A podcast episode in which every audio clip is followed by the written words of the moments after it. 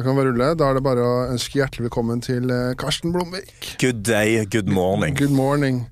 Hvordan, eh, hvordan behandler livet deg i dag, Karsten?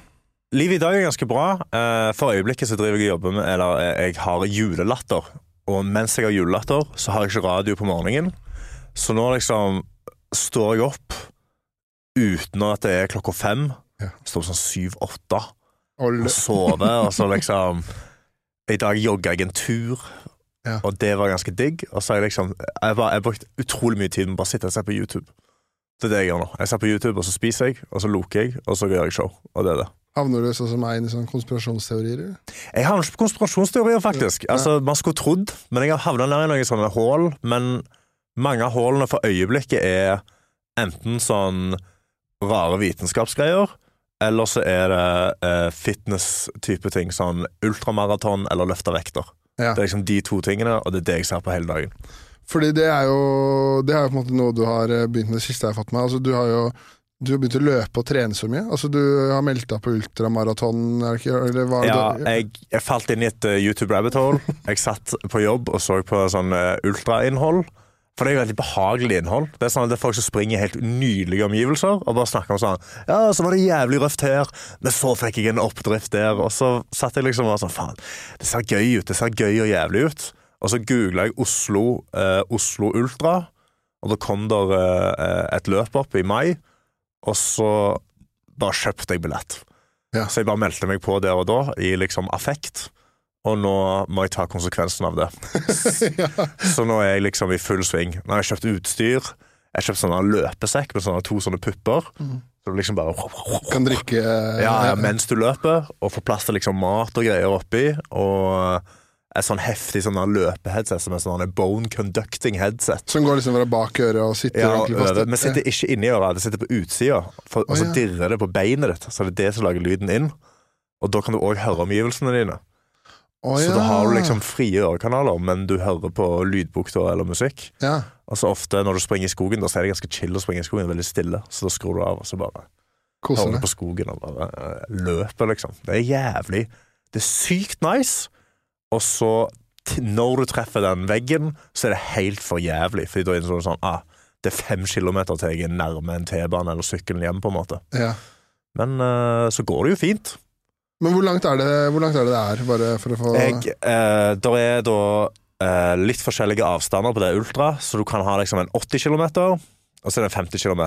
Jeg vurderte å melde meg på 80, oh, men det fikk jeg eh, blankt eh, veto av ned av min samboer, fordi hun visste at det, da overlever jeg ikke. Nei, det er jo åtte Altså, det er så langt. Det er så jævlig Er langt. er ikke Men det- tenk deg den mestringsfølelsen når du kommer deg over mål. Jo, men det er jo Du hadde jo Du er en stor mann. Altså, du hadde jo ikke hatt knær altså, Nei, det er det. Jeg måtte ha operert på veien, på en måte. Det hadde ikke gått bra i det hele tatt. Så jeg meldte meg på 50, og jeg håper at det skal gå bra med liksom knærne og sånn. Nå har jeg hatt litt sånn Det har vært litt fram og tilbake.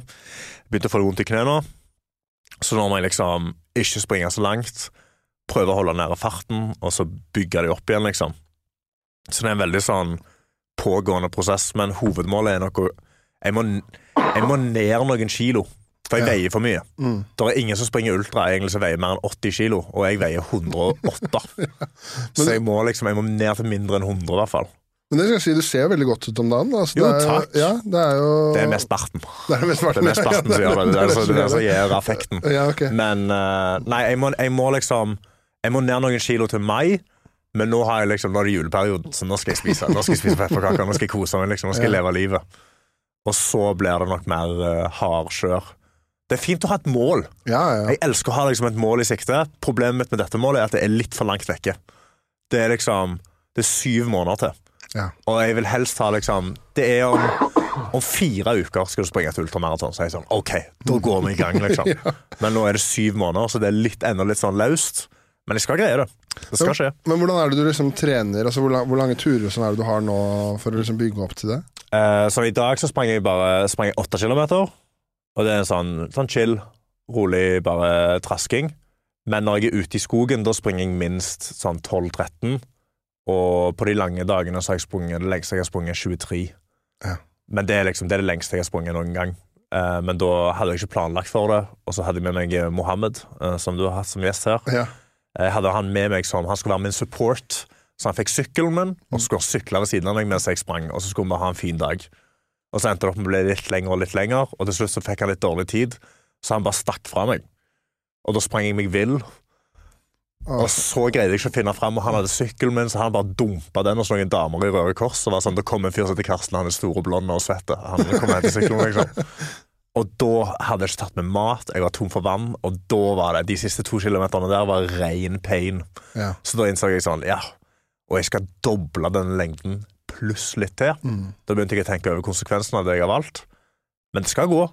Jeg skal liksom Jeg må bare Det jeg òg syns er gøy med det, er at jeg må Jeg må begynne å liksom forske litt på min egen kropp, og hvor mye mat trenger jeg, hvor ofte skal jeg spise mens jeg springer, eh, og hvor mye må jeg drikke liksom gjennom hele løpet. Så det er den som er liksom den prosessen som går nå. Men det er De sier Det jeg har lest på nettet, er sånn du skal ikke tenke på avstand, du skal tenke på tid brukt. Så liksom opptil to timer. Så er det sånn OK, ut og springe to timer.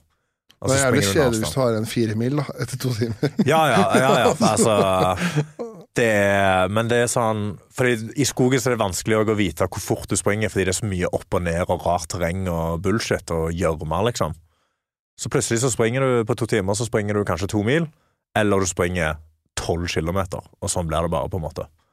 Men uh, det er en utrolig gøy sport, for du chiller bare. Det er bare liksom, det er trasking, du har puls på 120 hele tida, og så bare hører du på musikk og ser på naturen og tenker. Veldig behagelig. Ja, men jeg, jeg, jeg, er for så vidt litt enig, men jeg er også litt uenig, for jeg har løpt halvmaraton. Ja. Og jeg, jeg som deg har jo ikke akkurat en eh, kenyansk løpekropp. Nei, det var det, da. Ja, det, er født med disadvantages. ja, så jævlig òg. Det er jo sånn derre ene låret mitt veier jo mer enn uh, de gutta. ja, ja. Men eh, da, altså det, altså det var så demotiverende Altså å være med på de greiene der. Det var Birken, da. Det var Birken, ja. Ja. Men jeg, altså, ok, hvordan er Birken? Er det veldig mye opp og ned? Ja, det er eh, første Hva er det for noe? Første mila er vel bare oppover. Jesus. Ja. Og så er det liksom sånn slakt ned etter ja, men det er jo et marerittscenario. Ja. Veldig lenge nedover er nok det verste jeg kunne sett for meg, egentlig. For det er bare vondt. Ja, og da, eh, da tror jeg det var eh, i den klassen jeg var med, i. Ja. jeg, jeg, jeg, jeg Før start så hadde jeg, vi hadde en kompisgjeng da som skulle løpe. Ja, gutta boys. ja, så skulle ja, jeg bare sånn, Drakk dere alkohol før dere gjorde det? Nei, nei, nei. Nei, det, går det det, det var ikke sånn gutta boys. Nei, det var ikke sånn gutta boys. Nei. Nei. Det var sånn gjør det ordentlig. Og så, Ja, okay. så skulle vi ha bankett etterpå. Ja. Uh, men da var det en av gutta som liksom hadde astma, astma sånn. Så Ja. jeg liksom satt og sugde. ja, jeg tok masse astmamedisin, for vi har ikke astma. Jeg hadde tatt salttabletter og liksom tatt teip over nipplene. Det er hot tip, altså. Teip over nipplene. Ja. Fy faen, det hjelper. og liksom tatt, kjøpt ordentlig utstyr og sånn. Jeg tror det var 160 stykker med i min klasse, Shit. og jeg kom på 143. plass. Og oh, det, jeg tror det var sånn ti som brøyt. Ja, det er gøy. Men altså, men hadde du gjort noe trening før det, eller var det bare sånn gutta boys, nå har vi meldt oss på? Jeg hadde ikke gjort uh, noen Nei, det var ikke det, nei. nei. Hva ble tida di, da? Eh, Hva var det for noe? Det var, det var Det tror jeg det var Hva kan det ha vært, da? Jeg tror vi bikka to timer, altså. Ja, men du er nå rask da, når det er ti kilometer oppover, og så skal du bare Altså, Ja, to timer er ikke så galt. ja, jeg tror det er to opp på ti, to to tolv eller noe sånt. da Ja. Så, Men det, det, var, det var ikke raskt, altså. Nei. Og det, det som, jeg husker det som liksom gjorde det som knakk meg under løp, fordi at eh, vi hadde, da hadde alle med seg uh, samboerne våre. da Ja. Så liksom var det et vennepar som hadde en hytte der oppe. Og så De sto ute i løypa og, he- eh, ute i løypa og heide. Ja. Så liksom var det kanskje etter sånn 12-13 km, så møter vi liksom de, da, og så står de liksom heier. Ja. Og så er jeg sist alle kompisene mine, for alle er foran meg. ikke Ja. Og så når jeg løper forbi de, så sier de ok, men da går vi mot mål. Og da går de. Men så møter jeg de igjen på kilometer 18. ja, så de har, de har traska rolig, og du har, ja, de har gått forbi. ja, de har kommet fortere til kilometer 18. Det går neste fire kilometer fortere enn det jeg gjorde. Det var... Og sånn der, okay, det her eh, så, Ja. Ja. Men har du veldig konkurranseinstinkt på det? Var det sånn at det var konkurranse innad i gjengen? Ja, det var jo egentlig det, og det, jeg har jo egentlig sykelig konkurranseinstinkt. Sånn at det har vært et problem, liksom, i Ja, for det, livet mitt. Jeg Eh, òg har prøvd å jobbe med i livet mitt, er å ikke ha så utrolig usunt konkurranseinstinkt. Ja. Så sånn, jeg har, jo, jeg har jo ødelagt utallige eh, brettspillkvelder. Ja. ja, det har skapt jævlig dårlig Ja, stemning. ja. dårlig stemning, ja. Ja. Det var sånn, Folk bare går, går det bra med han fyren her? Liksom. Så Ja. bare, ja, det er litt, litt der, da. Men nå siste kanskje sånn tre-fire årene så har jeg på en måte klart å få det litt bort. da Mm. For det var, det var sånn oppriktig et problem, liksom. Jeg kunne, Ja. spille, jeg kunne spille kort bare meg og samboeren min, sånn bomsepresident. Og hvis jeg tapte, så var det sånn kortstokken i veggen. Det sånn nesten abusive ja. relationship. Ja. Å, helvete. Ja. Jeg òg kan ennå Jeg har skreket på noen folk under Secret Hitler, altså. Hvor folk liksom ikke Hvor jeg mener det bare som sånn Det er gøy. Jeg syns det er gøy. Ja. Men jeg òg syns det er Altså, vi må etablere litt her at jeg mener disse tingene, på en måte. Men det jeg prøver å liksom tenke på det med denne ultraen, er Det jeg liker med ultraløp, er at dette er for det meste en konkurranse mot deg sjøl. Så her tenker ikke jeg på noen test av de andre hvordan de springer, unntatt hvis de er i min øyerekkevidde. Ja. Altså, er du rett foran meg, så er jeg sånn Nå må jeg forbi deg. Men jeg kan liksom ikke tenke det i 50 km. Der må jeg bare være sånn Jeg må holde en OK pace og bare fortsette å traske. Så det er det som blir min sånn øvingsdel av det, er bare å ikke bli revet med, gå ballehardt i begynnelsen, og så knekker du etter 20 km, liksom, og er bare helt daud. ja. For jeg har Jeg har sprunget noen halvmaraton, jeg òg. Eh, løp. Og da ble endte det opp med at jeg skulle konkurrere mot pappa. Og pappa, altså Faren min har sprunget i 30-40 år, liksom. Bare ekte løper, på en måte. Og da Første gangen så greide jeg å slå han. Å ja. Og jeg har faen Altså han, altså Da innså jeg at han òg har jo et ekstremt konkurranseinstinkt. For jeg husker vi sprang Vi kom til sånn kilometer 12, og da sprang vi med en sånn pace-gruppe som var på 1,40. Så vi springer med de, og så var jeg sånn Jeg tror jeg kan gå litt raskere. Så var han sånn Du, du må ta det rolig, du må ikke gå for hardt. Så jeg sa Nei, nei det, går, det går fint, jeg tror det går bra. Så traska jeg fra den gruppa, da. Og så sånn ti minutter etterpå så kommer han opp etter meg, fordi han, han greier ikke å la meg gå fra han. Så han kom opp ved siden av meg og sa sånn Ja, det går jo bra, dette her. Så jeg sa ja, det går bra, dette her. Og så trasker vi videre, og så er det tre kilometer igjen, så sier jeg sånn Jeg tror jeg, gå, jeg kan gå litt hardere, jeg. Så han sa ja, men du må ikke, du må ikke bruke opp alt! Du må ikke, du må ikke få krykke nå! du må ikke få krykke nå Så jeg sa nei, nei, det, skal gå fint. Skal du ha litt mat av meg? Vil du være med og gå fortere? Så, nei, jeg, holder, jeg holder meg her, jeg. Og da liksom, når jeg kom i mål, så begynte alle å spørre sånn Hvor er Vi har ikke sett faren din. Hvorfor, han, han må jo ha kommet før deg. Så, nei. og da når han kom inn i mål, da, det var da var han eh, Han var glad på mine vegne på at jeg hadde sprunget, men du kunne se at det var en sånn Fuck, han jævla drittungen der, liksom. Og så, etter det, så har han alltid bare skyldt på at eh, Da han var sånn Men i min aldersklasse Ja. så var jeg på andreplass, og i din aldersklasse var du på 20. Så faktisk jeg er bedre enn deg. Så, ja. Det er jo alltid gøy. Sånn. Det er jo annerledes når, liksom, sånn når du er voksen, da. Men det er sånn sjarmerende med en far som bare kan ikke la barnet sitt slå. kan ikke la det skje. Åh, det er Eh, Favorittvideoen min på YouTube akkurat nå er ei lita jente som springer kappløp med faren sin, og så springer han bare fra henne. Og så kommer hun springende og griner og griner og griner, og så spør mor sånn Hva er det som skjer? Hva er det du gjør?» I'm not the fastest girl in the world! og så endelig har hun innsett at å ja, alle er raskere enn meg. Men jeg tror det er, det er, jeg tror det er sunt å det, må, det er litt sunt å slå barna sine litt òg. Ikke bare la de vinne hele Ja. Det, blir, Det er veldig gøy å få den setningen ut av kontekst. Ja, ja. det er veldig sunt å slå barna sine. Men ja, å slå dem i en konkurranse er Jeg tror det er kjempesunt, jeg. Mm. For du må innse at jeg er ikke best. Det er ganske viktig. Du kommer til å lære det når du kommer på skolen. liksom. Det er jo bedre å bare vite det før det. Mm. Men sånn for deg er det For jeg har liksom inntrykk av at eh, du har alltid, liksom, siden i hvert fall jeg har kjent med, blitt kjent med at liksom, det virker som liksom, trening er en viktig del av livet ditt. Er det liksom er det for uh, egen personlig helse og mental helse, eller er det bare at du er glad i å trene, eller hva er det Mm, jeg gjør det 99 på grunn av mental helse. Mm. Så det er det jeg vet at uh, hvis jeg ikke trener, så sklir hodet mitt ut sånn helt ekstremt, og så blir jeg, helt, altså jeg blir kjempedepressiv, liksom. Så det, det trenger ikke være mer enn sånn hvis jeg er uten trening ei uke, så kjenner jeg at hodet mitt begynner å skli i sånn veldig negative tankerekker og går ned i en sånn spiral. Så jeg må trene hver dag. Jeg må liksom gjøre et eller annet hver dag for å rense basically hodet mitt, føler jeg. Så jeg, jeg gjør ganske mange ting for å holde det sunt, for jeg har Jeg vokste opp, så var jeg liksom relativt aktiv. Spilte mye sport og sånn, men var utrolig lite aktiv ellers, og var jo altså utrolig usunn mentalt fra en ganske tidlig alder. Og så mista jeg all aktivitet fram til jeg var sånn 17-18, før jeg fant det igjen. Og da begynte jeg å føle meg bedre mentalt. Og så har min mentale helse blitt bedre i takt med at jeg har blitt bedre på å trene og holde det regelmessig. Så trening gjør jeg rett og slett bare for at jeg ikke skal ha lyst til å drepe meg sjøl. Det, er genu, det er genuint. Ja, det, høres så er, ut. ja, det er genuint. Det er nøyaktig det det er, på en måte. Det er, eh, jeg ser på det som sånn Jeg ser på trening som er sånn Trening og isbad og de tingene som jeg gjør, liksom, som er sånn Det er jævlig mens du holder på, men det er sykt digg når du er ferdig. Ser på det som sånn sunn selvskading. Som er liksom min måte å bare få ut eh, Få en mestringsfølelse, og òg å bare få ut negative Negative tanker og, og skjør, liksom. Så det er det jeg bruker for å holde meg god i hodet. Men har du, noe, har du liksom eh, undersøkt det liksom, eh, med deg selv hvorfor de negative tankene kommer hvis du ikke trener? Altså sånn um, det, det er bare det at det, hodet mitt eh, Altså, jeg har, jeg har ganske fort for å få liksom et sånn negativt tankekjør, eh, og trening bryter det tankekjøret. Og så tror jeg det har med at jeg føler meg uproduktiv. Og hvis jeg føler meg uproduktiv, så går det videre inn i en spiral om Er det vits, på en måte?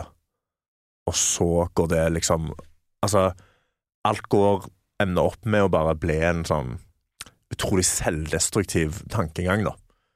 Så det Bare den følelsen av å ha trent gir meg utrolig mye, og det å ha liksom Å krysse noe av på et gjøremål. Så jeg er veldig glad i liksom å tenke sånn Ok, i morgen så skal jeg springe før jeg skal podde.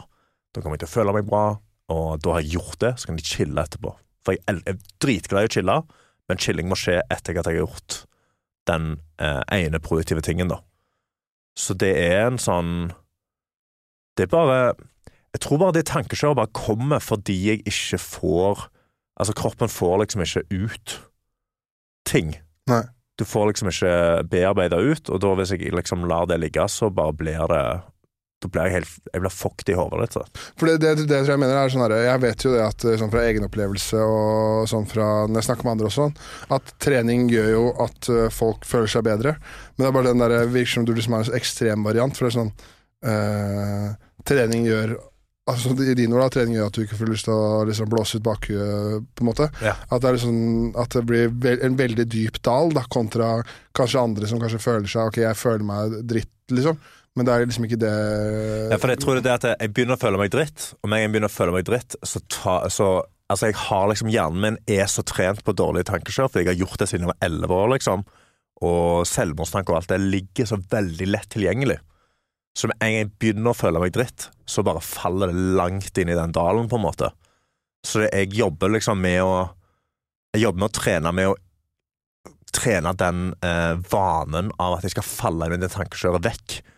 Men da, for å holde den sunne mentaliteten, så må jeg bare holde trening gående. Og det er jo ikke bare trening som gjør det. Det er jo sånn Jeg må meditere, og jeg må skrive takknemlighetslister. Jeg må gjøre liksom ganske mange ting. Skrive Takknemlighetsliste. Ja. Så jeg skriver det hver morgen. Og det har hjulpet meg veldig mye. Det gir meg sånn, et perspektiv. Så nå, jeg kan liksom ha nå Det kunne jeg ikke gjøre før, men jeg, nå kan jeg ha en hviledag og ikke trene, og synes det er digg, og det går fint. Men det er en sånn Det har kommet med tid, fordi før så gikk ikke det. Da jeg måtte liksom konstant ha noe å gjøre og holde det gående. Sånn hvis, hvis jeg stoppet opp, så tok tankene over, da. Så jeg måtte liksom alltid bare ha et eller annet som skjedde.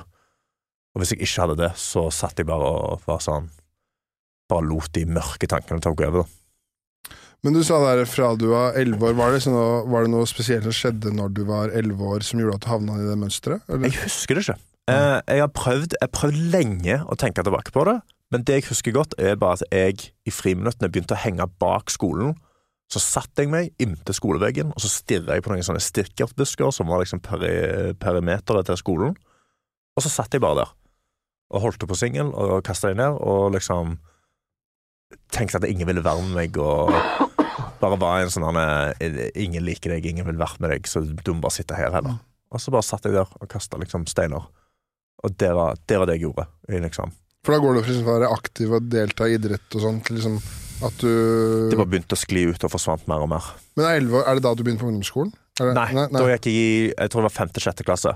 Ja. For jeg husker det godt, for vi bytta bygg, og det var da jeg begynte å sitte bak det bygget. Ja. Eh, så var det liksom ett tilfelle hvor noen lærere kom bak og var sånn 'Du, går det bra med deg?' Så var jeg sånn 'Ja, ja, det går fint, jeg vil bare sitte her', jeg. Og så sånn, okay. og så gikk de. Og så bare fortsatte jeg å sitte der. Ja. Og jeg var ennå Jeg spilte ennå fotball, da, men det var da jeg begynte å bry meg mindre om det. Og kanskje ditche noen treninger og sånne ting. Men jeg holdt meg liksom Jeg tror jeg spilte Jeg spilte på eh, sportlag fram til niende-tiende klasse, forskjellige ting. Spilte fotball til jeg var i syvende klasse, og så spilte jeg innebandy. Eh, og det var sånn små greier, men det var liksom én gang i uka, da. Så greide jeg å komme ut og gjøre det, men da òg bare mista jeg For jeg, da var da jeg hadde begynt å skli skikkelig ut med spising, så jeg begynte å bli tyngre og tyngre og tyngre. Og på dette punktet i samfunnet så var det ikke så veldig mye body positivity. Nei. Så følte det kanskje ikke så rå, og folk var ikke så uh, tilgivende heller. Så du kunne jo få ganske mange kommentarer. Og det òg liksom feeda inn i den tankegangen at du, du var ikke verdt noe, på en måte. Hvorfor er du her, hva, hva skal du gjøre her, liksom? Og da tok det over. Så da slutta jeg med all sport innen videregående, og så gjennom videregående var det ganske mørkt. Ja. Fram til da tredje VGS. Det var da jeg begynte å ta grep. Så da fant jeg liksom, begynte jeg å spise sunt. Så gikk jeg ned liksom 20 kilo i løpet av det året, tror jeg. Og det var da jeg fant trening, og så det å bli Så ble det en obsession, og så ble det ganske usunt. Jeg fikk direkte spiseforstyrrelse. Spiste sånn 1200 kalorier til dagen og sprang minst, minst en mil til dagen pluss løfta vekter. Og så fikk jeg sånn direkte overtrening og knakk helt i friåret mitt for VGS. Og da innså jeg at det, ah, men da finnes en, en sunn middelgrunn du må Mm. finne, på en måte. Men det var, det var veldig mye liksom topper, og så utrolig dype daler. Men generelt sett, eh, siden jeg var 17 år, hvert eneste år etter jeg var 17, har vært det beste året i mitt liv. Å, så bra, da. Ja, Ja. Så det har liksom vært utrolig takknemlig for det. At det er sånn, Hvert år som går, så er det sånn eh, stabilt sett beste året jeg har hatt. Selv om det har vært dritting som har skjedd, eller jeg har hatt dårlige perioder, så sånn alt i alt beste året jeg har levd, liksom. Og det skjer hvert eneste år. Jeg er jævlig fornøyd med det. Det er jeg dritglad for, liksom. Så det er en eh, Det er en konstant prosess, men jeg er, nå har jeg begynt å bli veldig glad i prosessen. Så, Ja. sånn, jeg liker å trene. Jeg syns det, det er deilig. Jeg hater å få meg sjøl til å trene. Altså, det er jo den å ta på seg løpeskoene og gå ut i morges var et helvete. Ja. Og det tar perioder, men med en gang du er i gang, så er det sånn Ja, nå er jeg i gang. Da bare gjør jeg det. Og da er det fint. Men sånn som du sa der, at uh, At sånn der, I forhold til uh, med, det med, med, det med spising, altså var det, uh, var det allerede et problem, eller ble det et problem parallelt med at uh, du begynte å være for deg selv? Eh, jeg tror Ja, altså, jeg spiste for å føle noe, basically. Så jeg fikk et, et ekstremt overspisingsproblem. Så jeg eh, For når, når du er skikkelig deprimert, så den liksom Det er ikke det at du bare føler deg dårlig hele tida, eller sånn at du er direkte lei deg hele tida. Det er mer det at du bare ikke føler noe som helst. Du bare er konstant på en litt sånn rett unna Altså rett unna at det går greit. Du er liksom bare hele tida sånn åh, dritt. Og det er, jeg føler veldig, ingenting. det er veldig rart i den når man er elleve år òg. Ja. For det er for en periode i livet hvor det er høye topper eller dype bunner. Ja, sånn bare, hel- du griner dritmye, Ja, eller liksom du ler og har det dritgøy. Ja. Og jeg eh, har altså liksom Jeg har grenet én gang siden åttende klasse. Ja. Altså Åttende klasse så grei jeg én gang, med sånn drittunge greier, fordi broren min fikk en pult på Ikea, og jeg fikk ikke. Det var det som knakk Ja, det var det som knakk meg. Og så grein jeg da, og etter det så har jeg ikke grenet en eneste gang siden, unntatt når eh, katten min Kai døde. Ja. Og da knakk jeg, liksom. Men sånn, det bare Det skjøtta ned noe i meg, så jeg liksom Jeg fikk ikke et sånn emosjonelt spekter. Det var bare ingenting. Eh, og det å overspise og ble, Altså, det å, bare kjenne sånn gleden av å få mat i seg, og sukker og sånn, det gir deg sånn en liten dopaminboost. Men så òg følelsen av å være dritmett var som en type selvskading. Hvor det var sånn, da føler jeg noe. Når jeg er dødsmett, så føler jeg noe. Jeg føler ubehag, men jeg er full i magen, og jeg ligger her, og det er noe annet enn å ikke føle noe som helst. Og det var en ting som tok over. Så jeg gjorde det veldig, veldig ofte. At jeg overspiste som et helvete for å bare føle noe, basically.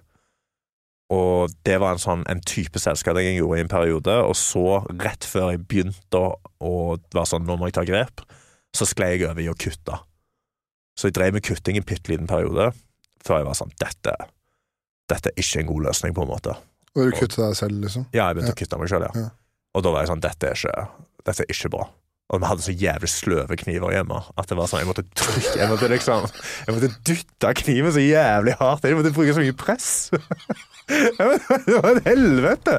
De var så jævlig sløve. Så jeg husker så sykt godt. Faen, det er ikke blod her! Altså, da, så jeg kan være takknemlig for det nå, da, for nå har jeg ikke noe særlig synlig arr. Liksom. Men det var sånn Fy faen, så jeg jobba med den kniven. Så at Foreldra dine var gjerrige på knivene? Ja, de var gjerrige på knivene. Ja. De skulle faen ikke slipe de knivene. De har redda deg litt. Ja, de har redda meg. Ja. Den der fruktkniven var faen dritt. Nei, så eh, Og det var da jeg var sånn Dette er kanskje ikke en god løsning. Så det var vel noe sånn 18, da begynte jeg å google sånn, hvordan å ta vare på sin egen mentale helse. Men hvordan, hvordan, eh, hvordan kommer du til eh, Hvordan eh, realiserer du at det her er ikke en god løsning? på en måte? Mm, Var det noe du skjønte selv, eller hadde du noen utenfor som fortalte det Det var ingen utenfor. Jeg skjulte det veldig godt. Jeg hadde langarma gensere og alt sånt. Det var ingen som sa noe. Eh, jeg, jeg innså det når det var sånn Jeg begynte sånn hver gang jeg følte meg dritt, så var jeg sånn ah, nå, nå må jeg kutte.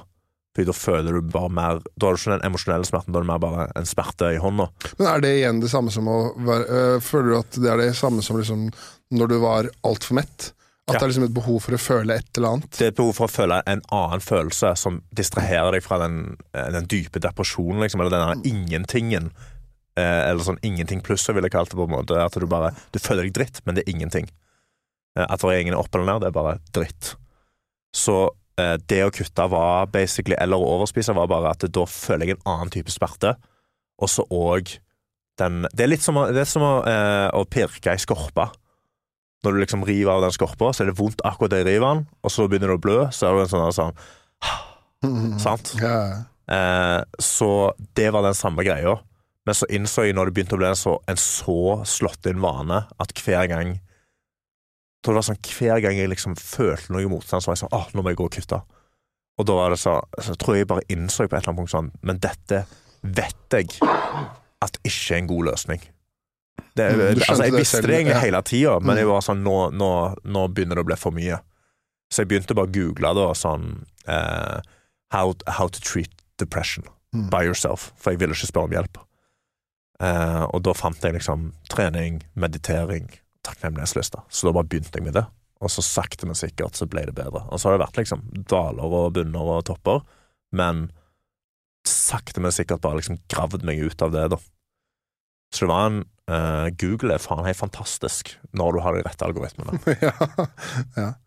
Men sånn som eh, på det, på det tidspunktet, da, så er det sånn åpenbart at uh, du har det jo ikke, ikke bra med deg selv, men har du liksom så vil du si at du har du en indre negativ monolog? Er det sånn at du har liksom stemme Altså snakker du deg selv Snakker du deg selv ned hele tiden? Ja. Og det er sånn at Du er ikke verdt noe, du er eh, feit og du er stygg. Altså, er, ja, er Ja, ja, det er veldig mye Du er feit, du er stygg, du fortjener ikke å leve. Hvorfor Altså, ingen er glad i deg, på en måte. Det er veldig mye negativ selvsnakk som er det eh, som liksom driver den depresjonen, da. Og det er en sånn ting som Det pågikk i så mange år at det er standarden, på en måte. At uansett hvordan noe går, så finner du det negative, og så snakker du ned, og så ender du opp med sånn du fortjener ikke å leve, på en måte. Hvorfor du Hvorfor skal du være her? Eh, og det er en sånn Det der den Å bryte den For det er enda en ting som kan skje, og, og det skjer Altså, det skjer nesten hver dag at jeg får en sånn Det begynner. Og så har jeg trent meg sjøl i å gjenkjenne når det skjer, og vite at det er ikke produktivt. Jeg trodde i en periode at det var viktig for meg å putte meg sjøl ned, fordi det er jo det, er det du skal gjøre, liksom. Mm. Du skal jo putte deg sjøl ned. Du skal ikke tro at du er for god, på en måte. Du skal ikke ha selvtillit. Det er jo ikke bra. Uh, før jeg innså senere at det er sånn Å ha selvtillit er en ganske bra ting. Hvis du ikke tror at du kan få til noe, så får du ikke til, på en måte. Men hvis du faktisk bare tenker sånn OK, dette kan jeg få til, så har du en utrolig mye høyere sjanse for å få det til. ja, ja, ja. Enn hvis du bare konstant er sånn OK, jeg skal prøve å gjøre standup, men jeg hater meg sjøl, jeg fortjener ikke å være på scenen. Mm. Ingen kommer til å le av deg uansett. Og så er det sånn, ja, men da kommer du ikke til å gå på scenen hvis du tenker det.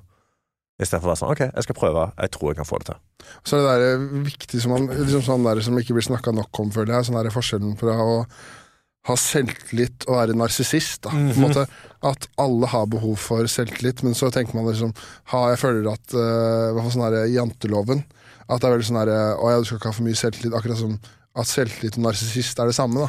Ja. Og- det er det jo åpenbart ikke. Ja, for det var de jeg blanda. At jeg tenkte sånn Ja, men hvis jeg, er selvtillit, hvis jeg tror på meg sjøl, så er jo jeg bare supernarsissist, da. Da Ja. tror jeg at jeg er den beste i hele verden. Så det er sånn, nei, nei, nei, du bare har Altså, du har tillit til at du kan kanskje få til noe. Det er ikke sånn at jeg tror at jeg er best i noe som helst, men jeg tror at OK, jeg tror jeg kan jobbe hardt med dette, og da blir det noe.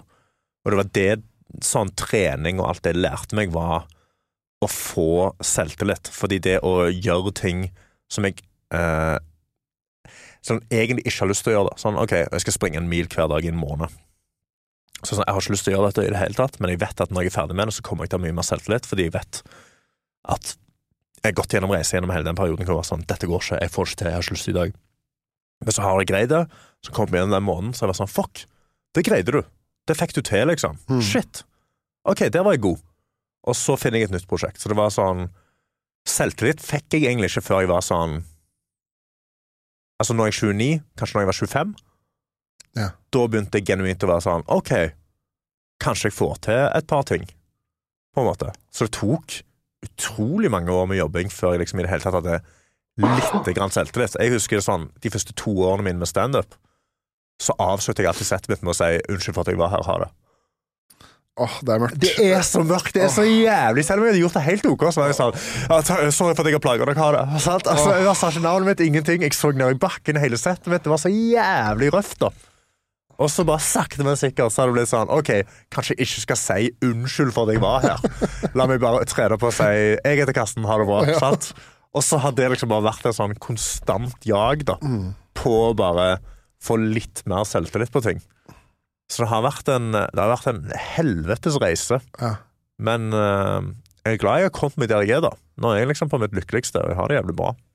Ja, for det sånn, i hvert fall sånn utenfra nå, så går jo virkelig som livet er uh, veldig bra. Altså, du må jo du, du, Det må være sånn å se tilbake på elleve år gamle Karsten. Hvis du han må jo være, Hvis du hadde fortalt han hvordan det så ut når du var 29, så tror jeg han hadde vært veldig fornøyd. da. Ja, det tror jeg òg. Mhm. eh, og eh, spesielt sånn For jeg var 14 når jeg innså sånn Jeg tror kanskje jeg har lyst til å prøve standup. Og så når jeg var 17, så fant jeg ut sånn Å ja, det er faktisk en måte å gjøre det på. Og så gjorde jeg det ikke før jeg var 20. 21. Men altså, det å si til da ungdomsskole-Karsten at sånn, du kommer til å ha selvtillit, du kommer til å liksom, det kommer til å gå fint. Du kommer faktisk til å ligge en gang, til og med. Altså, det kommer til å skje, på en måte. Du kommer faktisk til å få deg et ligg. At det var sånn Hva faen? Hæ? Så sykt! Så jeg lever litt sånn Jeg lever litt eh, 15-16 år gamle Karsten-drømmen, Ja. og det digger jeg. Det syns jeg er nice. Nå får jeg liksom Jeg får jobbe med det jeg har lyst til å jobbe med, og jeg er jævlig takknemlig for det. Og du får ligge. Og jeg får ligge! Altså, det er helt sykt. Jeg har liksom ei vakker dame som er glad i meg. Altså, Fy faen, for et liv jeg lever, liksom.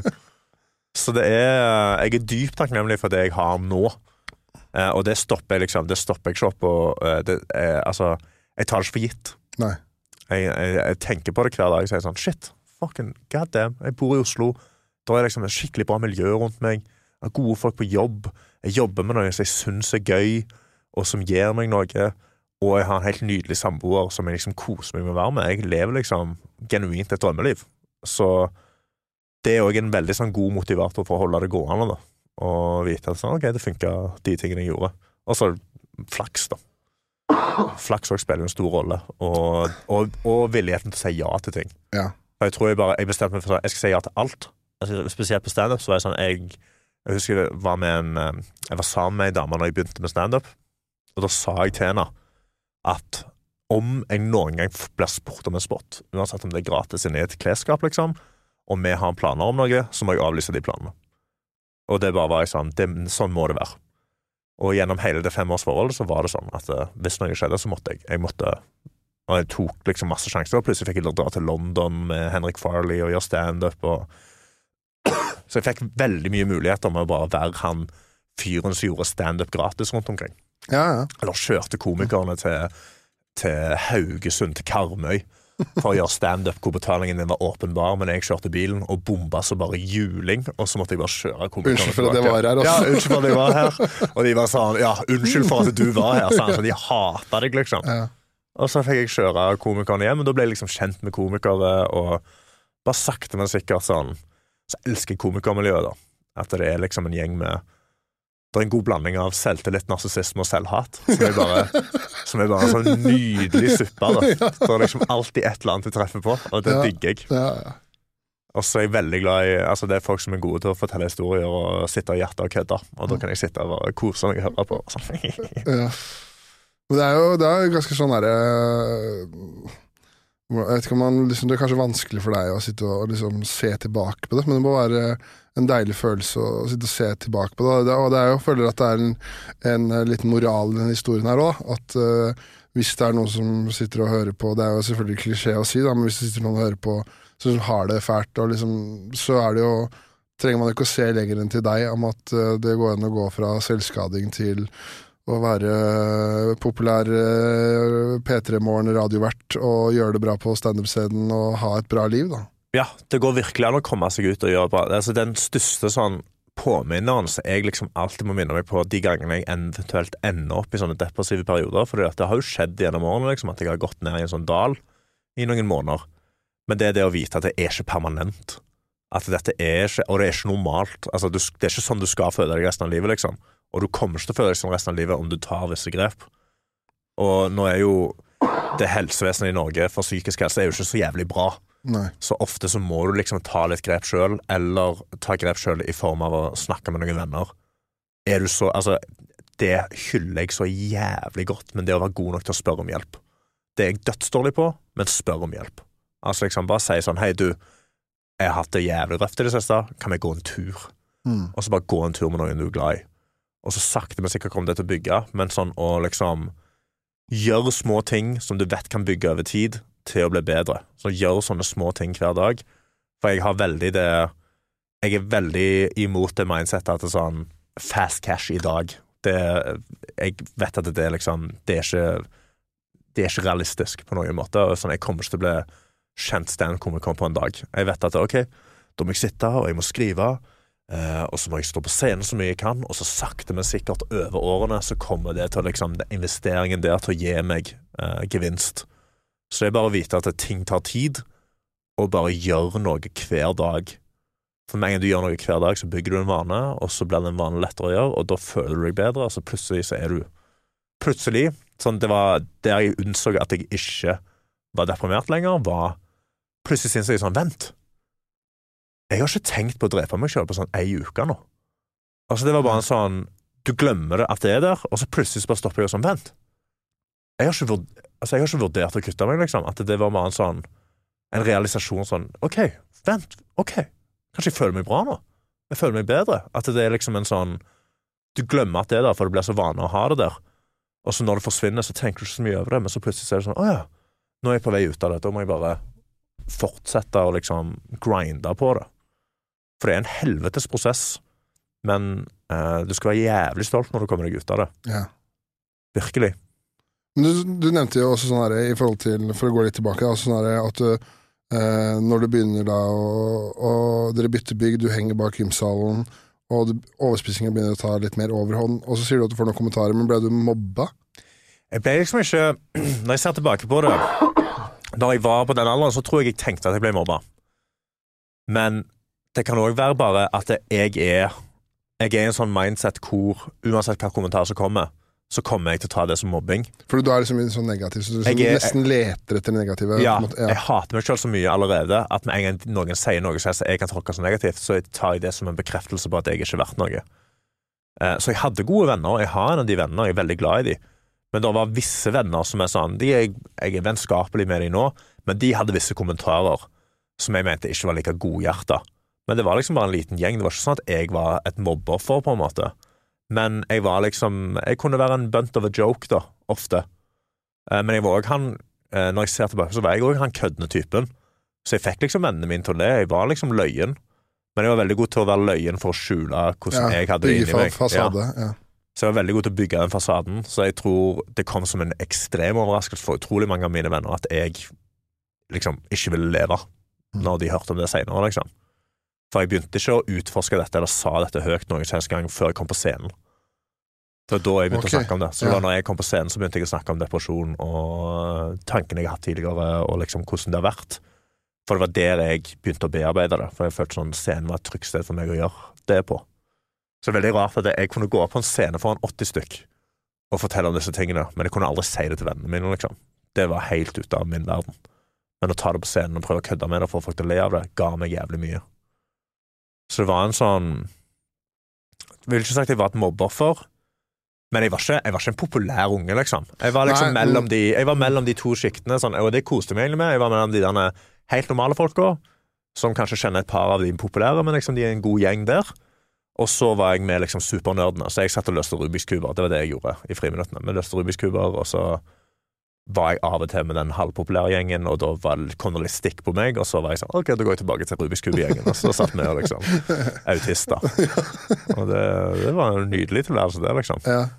Men du har jo, jeg har hørt det, du, du har snakka litt om det på scenen. Er, er, er du autist, eller? Nei, det er ikke Nei, det, uh, men jeg har Jeg trodde utrolig lenge at jeg var det, Mm. og jeg ble fortalt ja, det, at jeg sånn var var det, det, ja. av mine venner.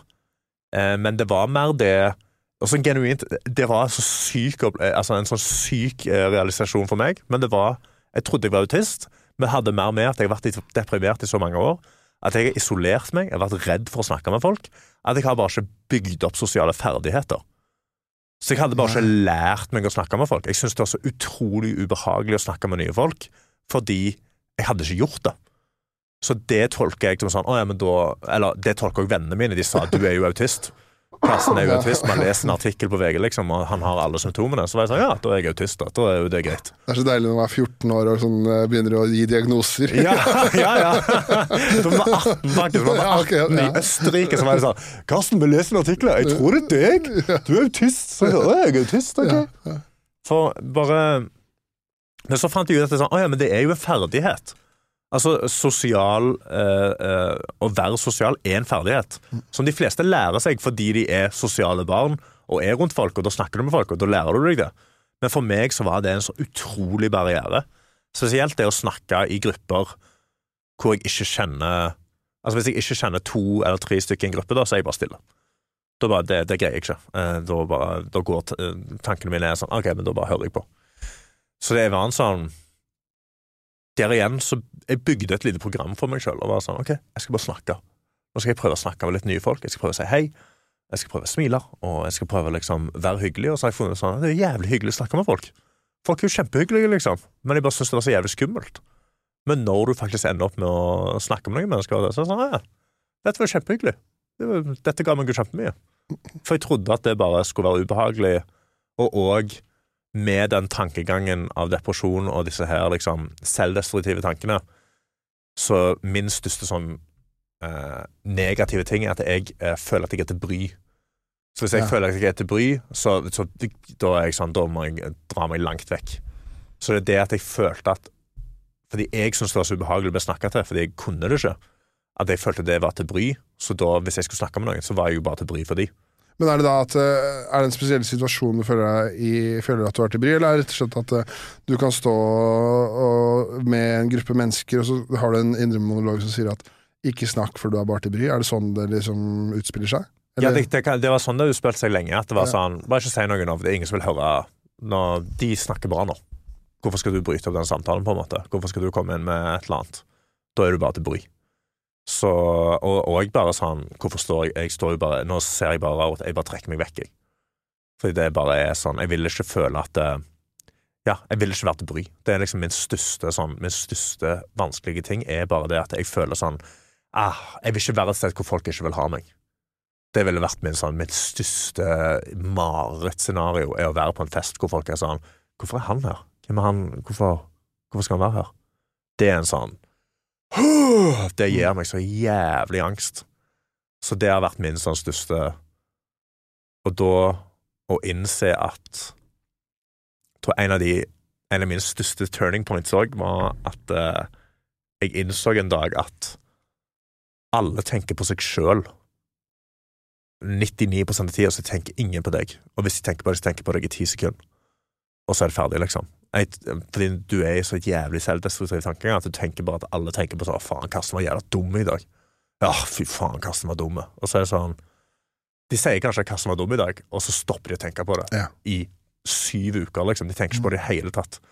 Og det å ha eh, realisasjonen at alle tenker for det meste på seg sjøl, og de tenker ikke på deg i det hele tatt, det betyr egentlig ingenting, det ga meg så utrolig mye frihet. At jeg var sånn Å ja. Alle tenker på seg sjøl. Selvfølgelig gjør de det. Jeg tenker jo på meg sjøl. Alle tenker jo på seg sjøl. Hva faen? Ja. Så chill! Da kan jo jeg gjøre som jeg vil. Hvorfor skal jeg bry meg? Altså, de tenker de på meg i ti sekunder. Liksom. Hvorfor skal jeg bry meg om det? Og så begynte liksom ballen å rulle, og det var da jeg liksom endte opp med å være sånn OK, da skal jeg prøve å gjøre standup. Fordi Ja, min største var sånn Å ja, han skal gjøre standup, bare tror han er løgn, han. Ja vel, ja, ja, ja, fuck han der fyren der. At alle skulle snakke om det. Så var det sånn Nei, de fleste tenker egentlig bare på seg sjøl hele tida. ja. Så hvorfor skal jeg bry meg? Og da kom det mer.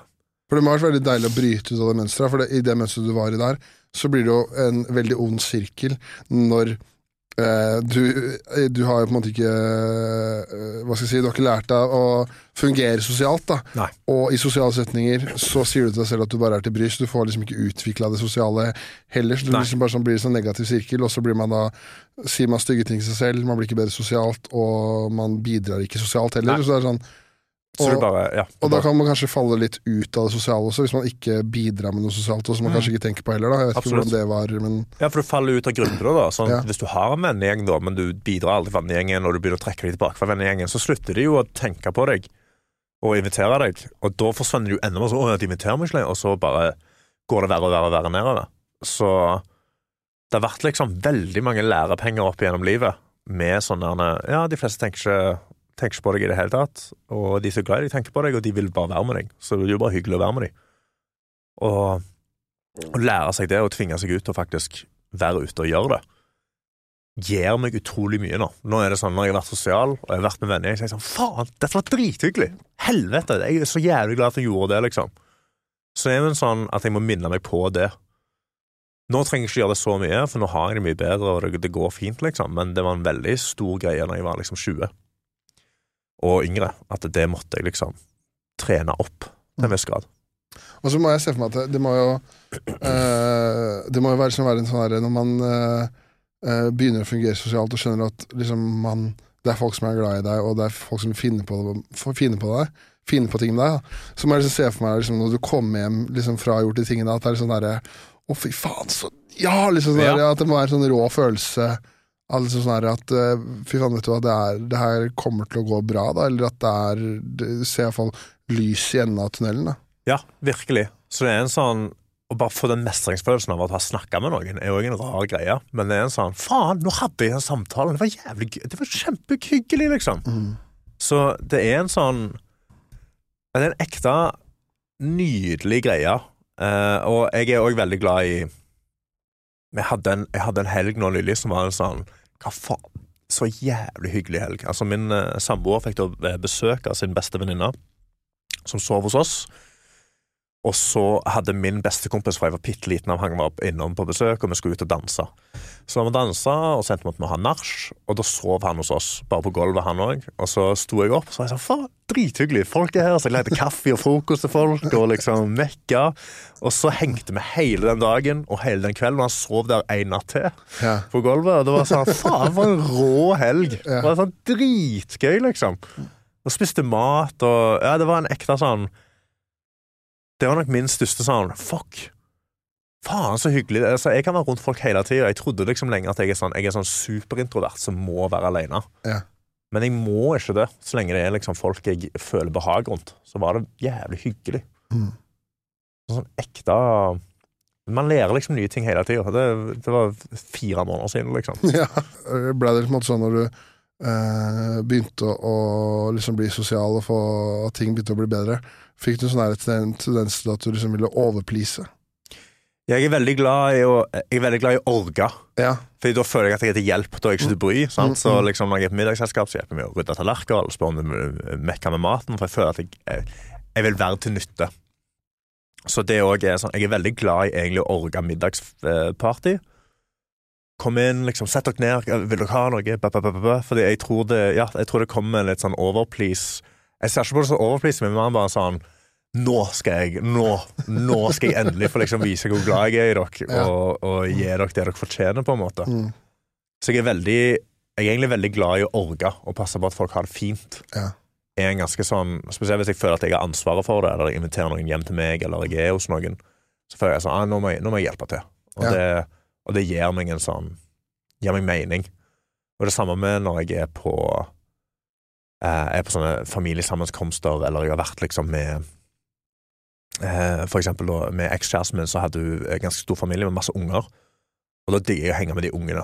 Sånn, sånn, da skal vi leke, liksom. Og da, da, da får de voksne gjøre si greier. Karsten. liksom, da kommer onkel Karsten, og nå skal vi faen ha det dritgøy, liksom. Ja. Så jeg er veldig glad i å eh, vite at folk har det fint. Eller føler seg tatt vare på, da. Men det tenker jeg, det, det, er jo, det er bare en fin ting. Det, det, det er liksom etter mer, det, for det, det, sånn som det høres ut som Det høres egentlig bare ut som du er Når du forklarer det nå, så høres det egentlig bare ut som du er et fint menneske og en bra person. Men, Ja, men det- men det var litt mer sånn at det, det er jo noen som liksom øh, kompenserer og opplyser så mye sånn at øh, hvis vi to hadde vært ute i ørkenen Ja. og gått to dager uten vann, og så har du litt vann igjen, drikker opp mitt, og du er sånn ja, men ta mitt, du. Ja. ja, sånn, Ja, da tror jeg jeg hadde, da hadde jeg gått for 50-50 av mitt. ja, okay, Det er liksom sant, det. At det er sånn eh, Selvfølgelig, herregud, men jeg må jo ha litt, jeg òg. Ja, okay, ja, men det er At bra. Uh, hvis jeg, hvis jeg dauer, så er du. Da har du ingenting her, på en måte. Nei, nei. Så jeg er veldig glad i uh, Jeg har ingen problemer med å liksom dele med meg, uh, eller liksom å få passe på at folk har det fint, men det må jo ikke liksom gå på bekostning av alle andre. Nei, ok, ja, men det er Så bra. det er jo en sånn Det er en sunn mellomvei der. Ja. Jeg, jeg går ikke liksom Bruker ikke 400 000 kroner på den middagen, på en måte. Nei. For at eh, det er liksom ok, Kaviar skal og trøffel. Ja, nå skal vi mekke, mekke god mat, og vi skal kose oss, og kanskje åpne en fine flaske med vin, liksom. Og Mhm. hygge oss. Så jeg er veldig glad i å, veldig glad i å orge og føle at det der igjen det motsatte av at jeg er til bry, at jeg er til hjelp. Det er jeg veldig glad i. For da føler jeg at da får jeg en mening. Mm. Da har jeg liksom, da har jeg mening med å gjøre de tingene jeg gjør, og ikke til bry.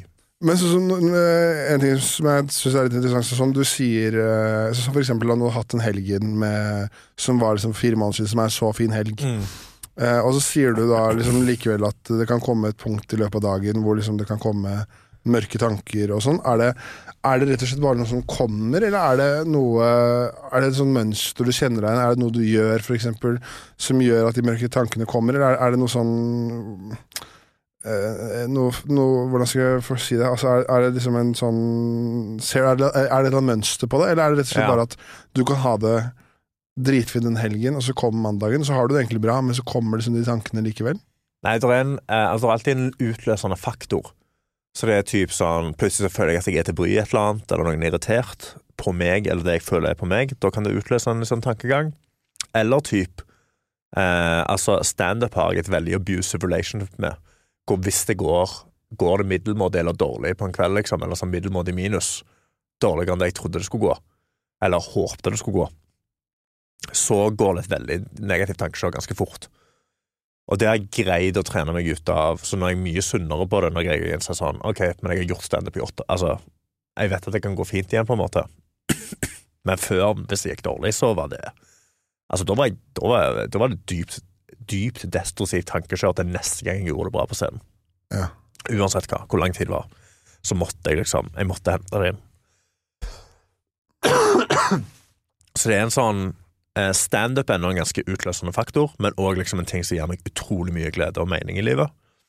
Og sånn terapeutisk sett, sånn å gå opp og snakke om et eller annet som jeg har tenkt på eller sliter med, og lage vitser på det og få folk til å le av det og liksom føle seg igjen, gir meg utrolig mye, og gir meg sykt mye glede og mestringsfølelse.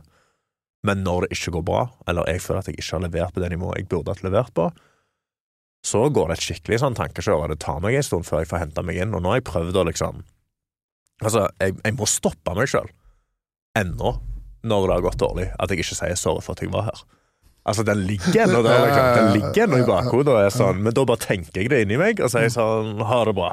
Og så går jeg, men sekundet jeg går av den scenen, så bare så svartner det for meg, på en måte. Og da må jeg ta litt tid til å hente meg inn, men der igjen hjelper det sykt å ha komikere rundt seg.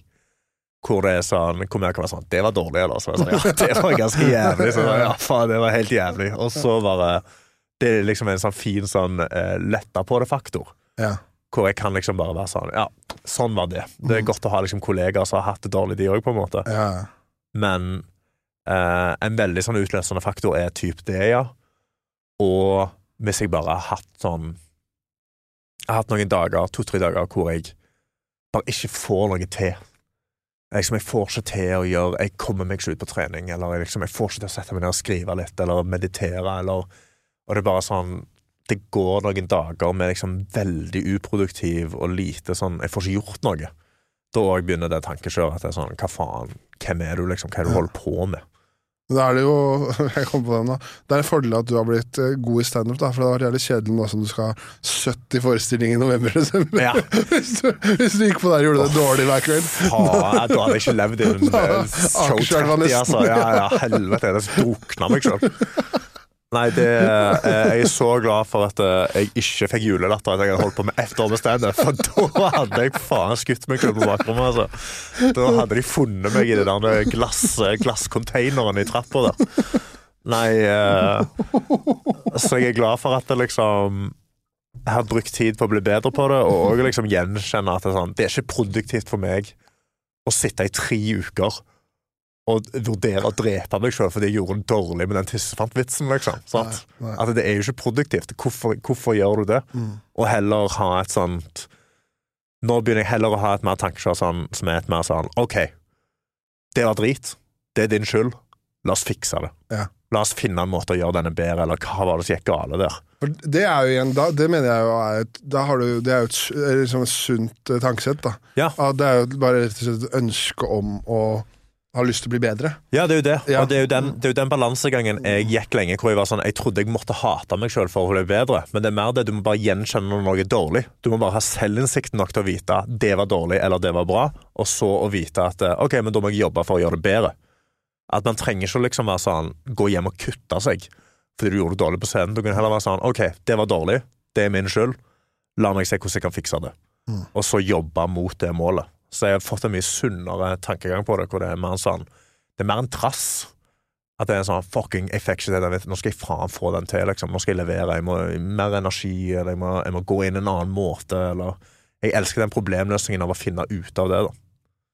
Det gir meg utrolig mye glede å få til en vits som jeg har jobba med lenge, Ja. og være sånn Fuck, nå! Yes! Nå har jeg den historien inne, liksom. Det Så det har vært en sånn Det har vært en lang prosess å innse at å ha selvinnsikt trenger ikke å bety selvhat. Nei. Selvinnsikt kan bety bare at du gjenkjenner at noe var dårlig. Men det er jo der sånn Er du narsissist eller supernarsissistisk, så skylder du jo det bare på publikum. Eller sånn, 'Det var en dårlig kveld i kveld, hva faen? Fuck de.'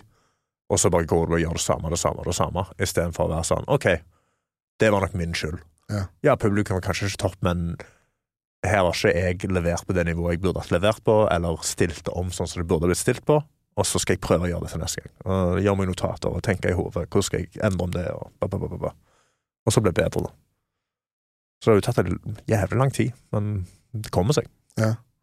Men du har, du har, snakka litt om du har, øh, ikke, ikke for å si vits, men du har liksom snakka om eh, at du har hatt selvmordstanker sånn på, på scenen og sånn. øh, øh, og sånn, og liksom sånn her, hvor, det, jeg føler det er ganske sånn fint og tøft å dele. Og så vet jeg ikke liksom øh, Du snakka liksom det om og, og at du var liksom Når du skjærte deg selv, men var det liksom jeg vet ikke om du vil dele det ellers, så du kan eventuelt bare klippe bort. Men er, var det liksom et punkt hvor du liksom var sånn der Nå skal jeg gjøre det? Nå er jeg ferdig, liksom? Ja, Kom nå du- skal jeg dø, liksom. ja, Kom du noen gang til et sånt punkt? Jeg kom aldri til punktet hvor jeg gjorde det uh, eh, faktiske valget sånn, nå skal jeg dø. Eh, rett og slett fordi det som alltid stoppet meg, var at da kommer foreldrene mine til å bli lei seg. Ja. Altså, da kommer de til å føle at det er deres skyld at eh, jeg forsvant. At de har ikke fått vite noe om dette, de har ikke fått noen mulighet til å stoppe dette. De har bare liksom De har vært helt fantastiske foreldre til fem unger, liksom. Jeg er eldst. Eh, de har vært helt nydelige. Så det som stoppet meg alltid, var mamma og pappa ble lei seg. Mm. At det kommer til å liksom ødelegge livet deres om jeg bare velger å gjøre det. Så det var alltid den største stopperen, og det var det som òg bare alltid holdt meg fra å ta det konsekvente valget sånn nå skal det skje. Eh, det var bare konstant drømming om det, fantasering og finne måter og liksom tanker på det. Og skrive ned hvordan jeg ville gjort det, eller liksom altså, Det var så ille, ja. Det var mye, Ja. mye sånn, ja. Det var mye sånn å skrive ned bare hvor mye jeg hata meg sjøl. Så jeg satt og skrev det i bok, liksom. Eh, men det var det som alltid stoppet meg, var bare at det da mamma og pappa blir lei seg. Mm. Og de er helt fantastiske folk, så det er sånn, det vil jeg ikke gjøre mot dem. Det er liksom, det er jo, jeg tror det er egentlig veldig fint at du deler, deler det. For det, man tenker jo automatisk liksom når man eh, I hvert fall eh, ofte tror jeg kanskje er litt dømmende på det, at man tenker liksom Hvis folk f.eks. havner i, i, i dop eller selvmordsanker og sånn, så at man har hatt en eh, tøff barndom, da.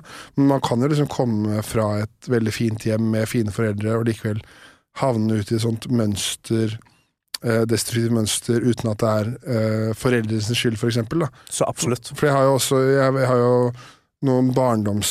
eh, eller bekjente og venner, da, for eksempel, hvor det er eh, folk som har blitt eh, rett og slett narkomane, da. Mm.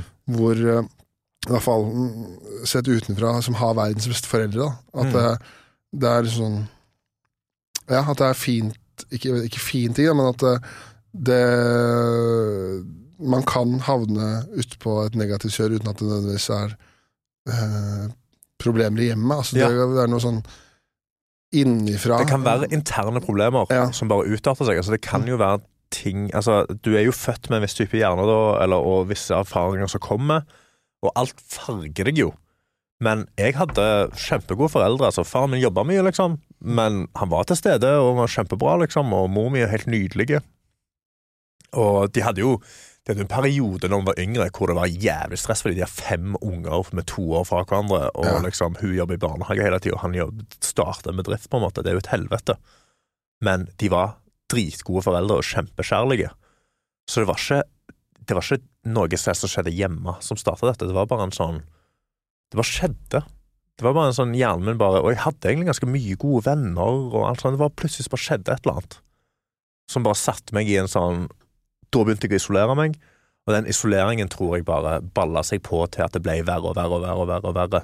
Og når det blir verre og verre, så tenker du også sånn at da vil jeg i hvert fall ikke være rundt folk, så isolerer du deg enda mer, og så bare blir det et gigantisk problem, da. Så sitter du der med den fruktkniven som er sløv og prøver å liksom finne, finne blodårer.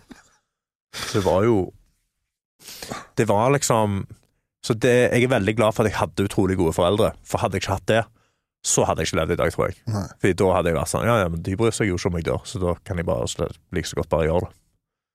Men hvordan, hvordan, har du, hvordan var det Jeg vet ikke om du har prata om det, men hvordan var det liksom for foreldrene dine å, å finne ut av at du hadde hatt så jævlig? Har du snakka om det, eller liksom eller, Jeg eh, Første gangen jeg innrømte det, var eh, at For jeg hadde begynt eh, Når jeg var yngre, så begynte jeg å selvmedisinere meg sjøl.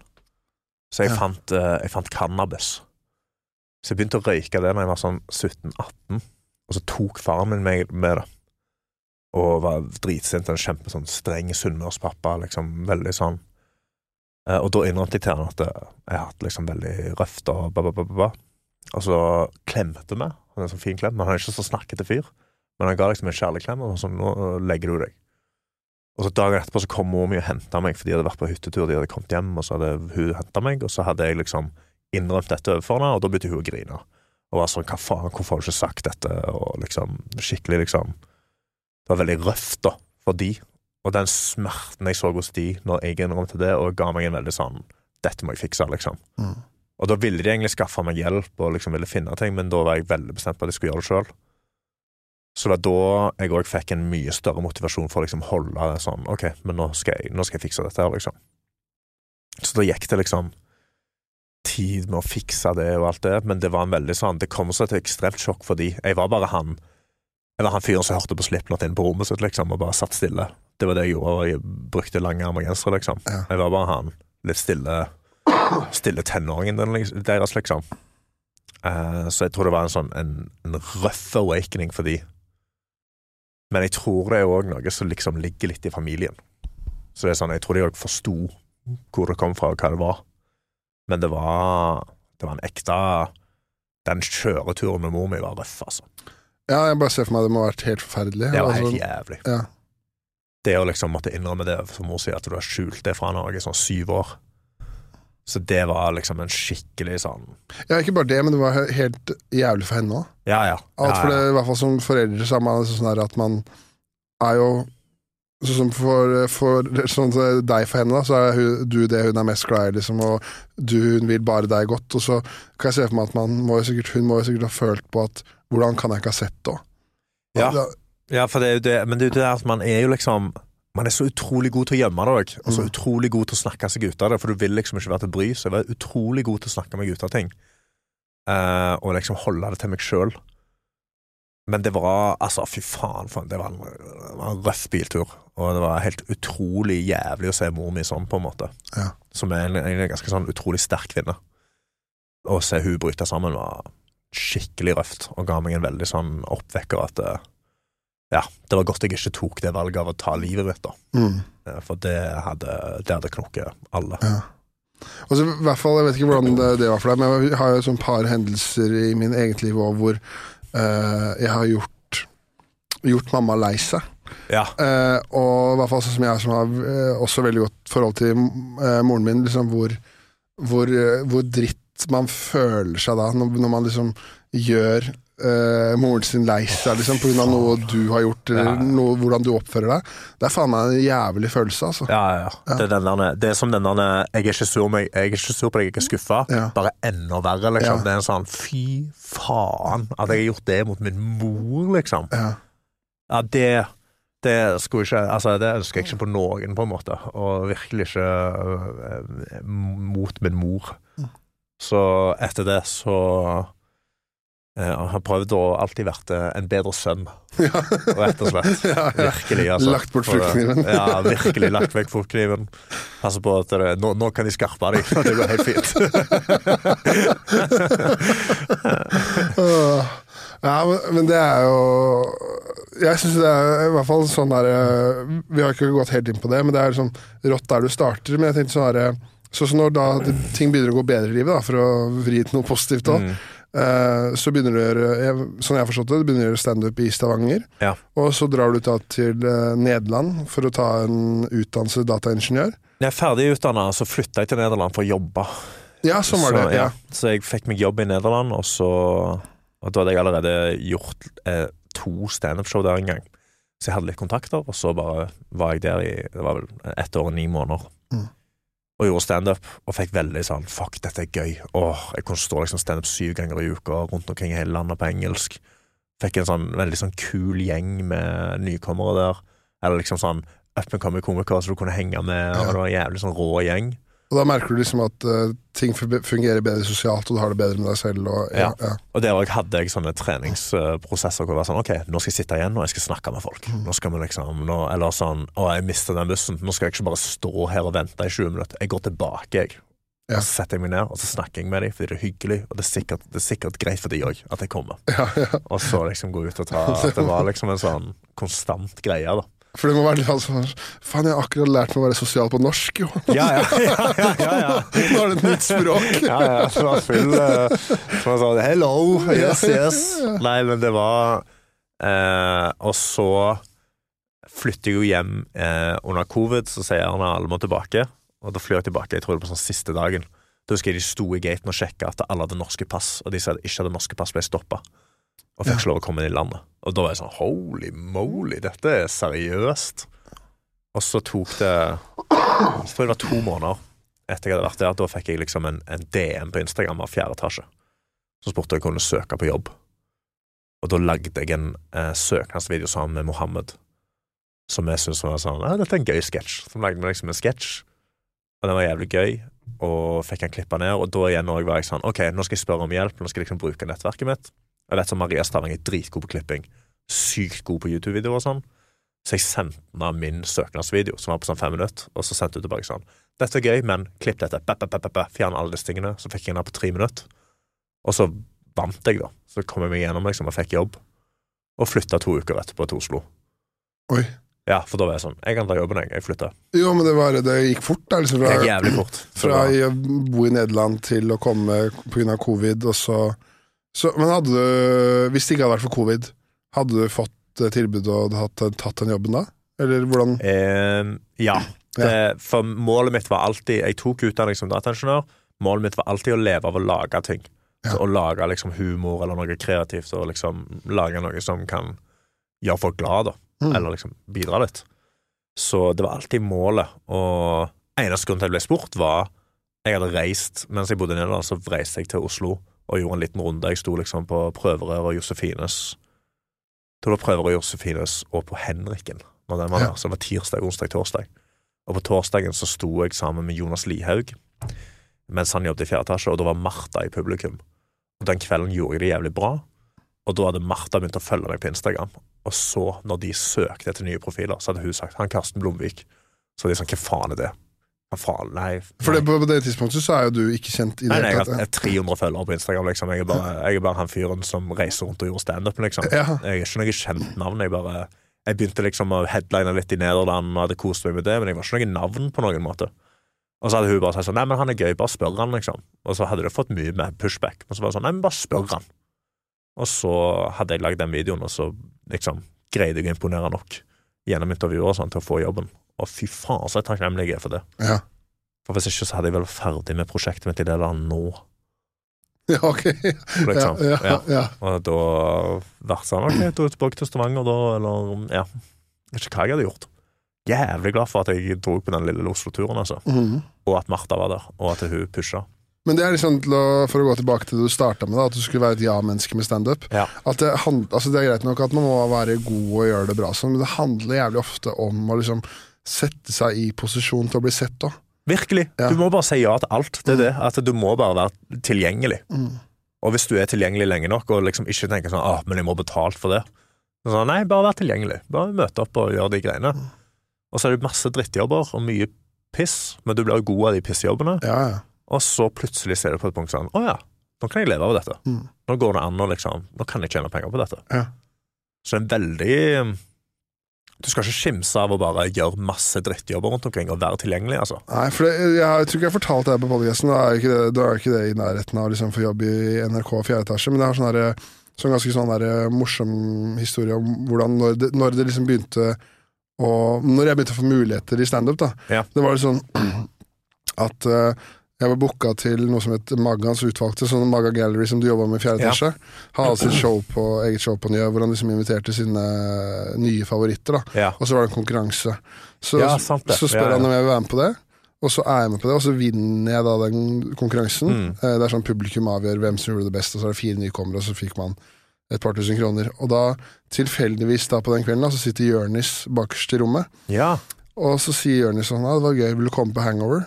Så kommer jeg på hangover, så går det bra på hangover, og da er jo på hangover da, så står Vegard Tryggeseid. Ja. Og Vegard Tryggeseid booker jo ny klubb, Ja. så etter jeg har stått på hangover da, så spør Vegard Tryggeseid vil du komme og stå på ny klubb. Og så sier jeg ja til det, og så på ny klubb så står jeg da sammen med Hans Magne. Ja. Og da skal jo Hans Magne etter hvert ha soloshow, så da spør Hans Magne om jeg vil varme opp for han på soloshowet sitt. Ja. Og da, eh, har jo Hans, da har jo Hans Magne tidligere varma opp for Dag. Ja. Og nå skal Hans Magne ha sitt soloshow, så da trenger Dag ny oppvarmer. Ja. Så da sier Hans Magne men Espen varmer opp for meg, han er veldig flink, du burde høre med han. Og så var jeg tilfeldigvis bare i Trondheim, og så ble jeg og Dag booka samtidig i, i, i Trondheim. Og så gikk det veldig bra når jeg var i Trondheim, og så plutselig så varma jeg opp for Dag, og det gikk, sånn, det gikk liksom veldig sånn fort sånn, da. Og det er bare helt tilfeldig ved å bare Jeg skal prøve å stå så mye som mulig, og så er det tilfeldigvis noen i rommet som ser at det går bra, og har lyst til å gi deg en mulighet. da.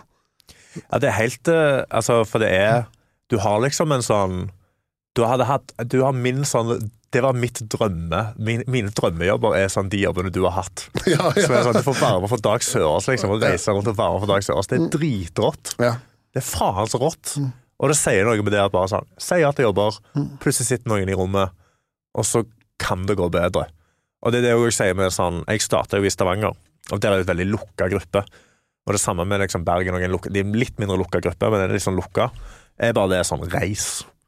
Hvis du er en nykommer, liksom, reis ut og gjør standup andre byer. Altså, gå ut. Du kommer til å miste masse penger, og sånn er det bare. Men bo på sofa, hør med folk, Mm. og bare prøv å stå Altså, det hjelper veldig å stå i Oslo, da, fordi da er det mer øyn- øyne som ser deg.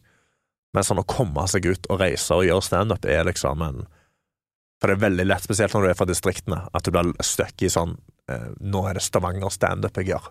For det jeg, føler, jeg vet ikke hvordan du føler men jeg føler Stavanger er liksom et liksom eget økosystem. Det er helt i, i ekstremt standup. eget. Det er Ja, ja. liksom Det er veldig internt, og det er veldig egen humor, nesten. Ja. Eh, og Så er det plutselig en annen fyr Jeg har aldri hørt han som bare ja, 'Solgte du DNB Arena?' Ja, ja. Så du, Hvem er han jævelen her? Jeg vet ikke hvem det er. Ja, sant, det er sånn Rune Bjerga. Ja, selger ja. 5000 billetter.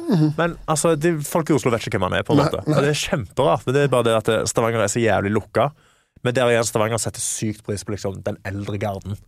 Som liksom de kjenner til. altså Det var sånn eh, Toring, eh, Nei, Per Inge Torkelsen og alle de her. Ja. Og så var det liksom den neste generasjonen nede som Rune Bjerga, da, som er liksom den største av de. Men det er liksom et veldig sånn eget ekosystem, og det gjelder Hvis du ikke bare vil være stuck der hele livet ditt, på en måte, fordi du blir fort stuck i å gjøre veldig Stavanger-vitser. Og hvis du gjør det hele livet, så funker ikke det å dra til Oslo. Det, du greier ikke å gjøre det andre steder. Så en av mine sånn store ting, og det jeg digga veldig godt òg med å reise mye, for jeg var jo jeg var mye i England, og så dro til Sverige og Danmark og Nederland og gjorde spots, var å finne hvordan kan jeg gjøre disse vitsene sånn at dere forstår de i denne kulturen, på en måte, at det er relevant for deres kultur, men òg eh, hva er disse fellesnevnere? Altså, hva vitser her er det som faktisk alle her kan le av? Syns jeg var jævlig gøy å finne ut av. Og òg å reise være sånn, ok, i Bergen da kan jeg gjøre litt sånne vitser, men i Oslo så må jeg legge om litt, eller snakke litt saktere, eller Det er liksom en utrolig gøy måte å jobbe med faget på. Men hvordan er det nå, for når du kommer tilbake til Hvis du har en gig nå i Stavanger nå, Ja. er det, er det stor ståhei for at du kommer eh, hjem igjen da, eller hvordan er det? Mm, det, altså, nå har jeg vært hjemme et par ganger, og det har liksom det er solgt fint med billetter, og det er veldig gøy, men uh, jeg føler det er liksom det er Stavanger-publikum, da. Det liksom, jeg kommer, og jeg får komme hjem. Altså, jeg er jo veldig Det er lenge siden jeg har stått på den Uh, Altså, mitt favorittrom i hele Norge er Grottene på Folket. Ja, jævlig fint rom. Et altså. fantastisk rom. Og det har jeg ikke stått på en stund, så det har jeg lyst til å komme tilbake og stå en gang. Men eh, det er liksom veldig Jeg syns det er veldig gøy å komme til Stavanger, fordi det er, er en viss stolthet i sånn Du er fra Stavanger, du kommer deg ut, og du gjør det greit, liksom. Mm. Så det er gøy å gå rundt i gatene, og folk er sånn! Så det, er det er gøy, da. Jeg syns det, synes det er jævlig hyggelig. Uh, og det er veldig gøy å gjøre Jeg syns det var veldig stas nå sist vi dro ned, så gjorde vi standup. Meg og Mohammed dro ned. Uh, og gjorde standup, var gøy show, og så gikk vi ut og dansa og koste oss etterpå. Dagen etterpå så var jeg på, eh, på Folken og skulle se en sånn konsertgreie. Og da kom folk sånn Faen! Du, du er fra fjerde etasje eller Peter Morgen, og de var sånn Dritgøy! Herregud, så hyggelig! Og så var det sånn Fuck, dette er jo kjempegøy! Ja. Det, altså, det er jo mer uvant at folk som folk har sett før, er et sted. Unntatt i Oslo, så er jo folk vant med det, på en måte. Ja. Men Stavanger så var det, det var dritkos. Ta bilder med folk og hilse, og det var liksom sånn Faen, dette er drithyggelig. Ja. At folk liksom uh, Og da er det veldig, det. Når folk kommer bort til deg og spør om bilde også, så er det veldig vanskelig å føle seg sånn til bry. Ja, da er det vanskelig å føle å til bry, ja. ja, ja. Men der er de sånn 'Å, sorry, jeg vil ikke bry deg'. Så sånn, nei, nei, herregud, du bryr meg ikke i det hele tatt. Kom an, la oss ta bilde. Hva faen? Drithyggelig. Ja. Så det, eh, det setter jeg utro Det er jeg jo jævlig takknemlig for. Og jeg kommer ikke til liksom Problemet med Stavanger er at jeg kan ikke flytte til Stavanger nå og leve av det jeg har lyst til å leve av. Nei. Da må jeg få meg en sidejobb. Så eh, det blir Oslo i en god periode. Mm. Men eh, Stavanger er i mitt hjerte, og jeg står hardt innenfor Stavanger, altså. Det Mm. gjør jeg. Ja. Eh, og jeg skal prøve å holde på dialekter så godt jeg kan. ja. Og jeg føler jeg får det til. Ja, jeg føler ikke du har Nå er ikke jeg Stavanger-dialektekspert, men jeg føler ikke du har eh, Du har ikke budga så mye på den. Nei, jeg kjenner for mange av mine venner som har begynt å legge om, Ja. og da får de Da får de kjeft av meg, altså. Ja. For det er viktig å holde på Holde på Holde på sjela. ja. Det er også veldig rart man er, hvis man er fra Stavanger, og så bor man i Oslo ett år, så plutselig legger man helt over. Det er Ja, det er det at de å si ikke og sånn. Så er sånn Nei, nå må du gi deg. Det er ikke lov. Nei. Nei, så Nei, genuint. Genuint takknemlig for det livet jeg har hatt, og den uh, trajectoryen som har skjedd, på en måte.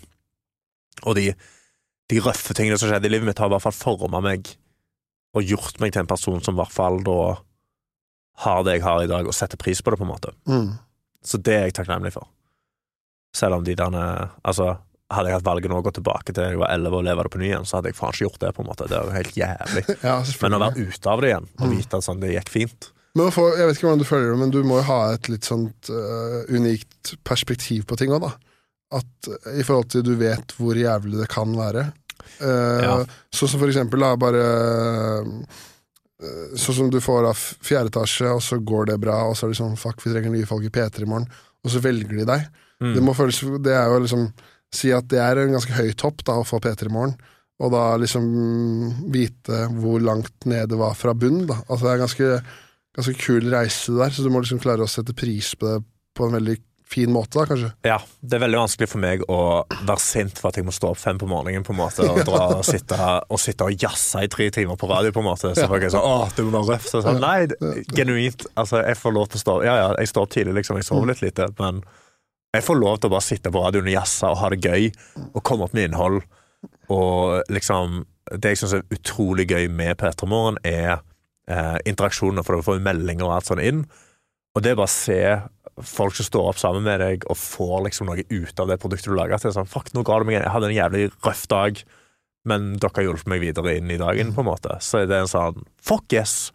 Nå får jeg liksom Jeg er ikke til bry, men jeg kan liksom hjelpe noen med å ha en bedre dag. Det gir meg så utrolig mye mening. Altså, det er jo øh, Det er greit at du må stå opp tidlig, men det er jo egentlig den jobben du driver med, er jo kødd, da. Det er kødd. Så, det er du, sitter, jazzing. ja, du sitter og prater på, på radioen øh, med folk du liker, og liksom, du er en viktig del av, av uh, morgenrutinene til mange folk i hele landet. Ja. Og du får, uh, får bra betalt for å sitte her og prate, bare kose deg. Det er jo en helt jævla fin jobb, da. Det er helt nydelig jobb, Ja. og så utrolig forskjellig fra liksom ingeniørjobben jeg hadde tidligere. på en måte. Er sånn, Dette er så gøy. Det er ikke sånn at du savner å stå klokka syv istedenfor for å gå og løse dataproblemer. På ingen problem Altså, på ingen Altså, nå syns jeg nesten det er sånn Nå, eh, nå når jeg har denne julelatterperioden, når jeg har det sånn utrolig chill før jeg skal gjøre show, så savner jeg det. Ja. Så jeg er sånn, fordi det å gjøre P3 Morgen er at du, liksom, du er på radio fra 6 til 9, og så spiller vi noen greier, du er ferdig på jobb som 12.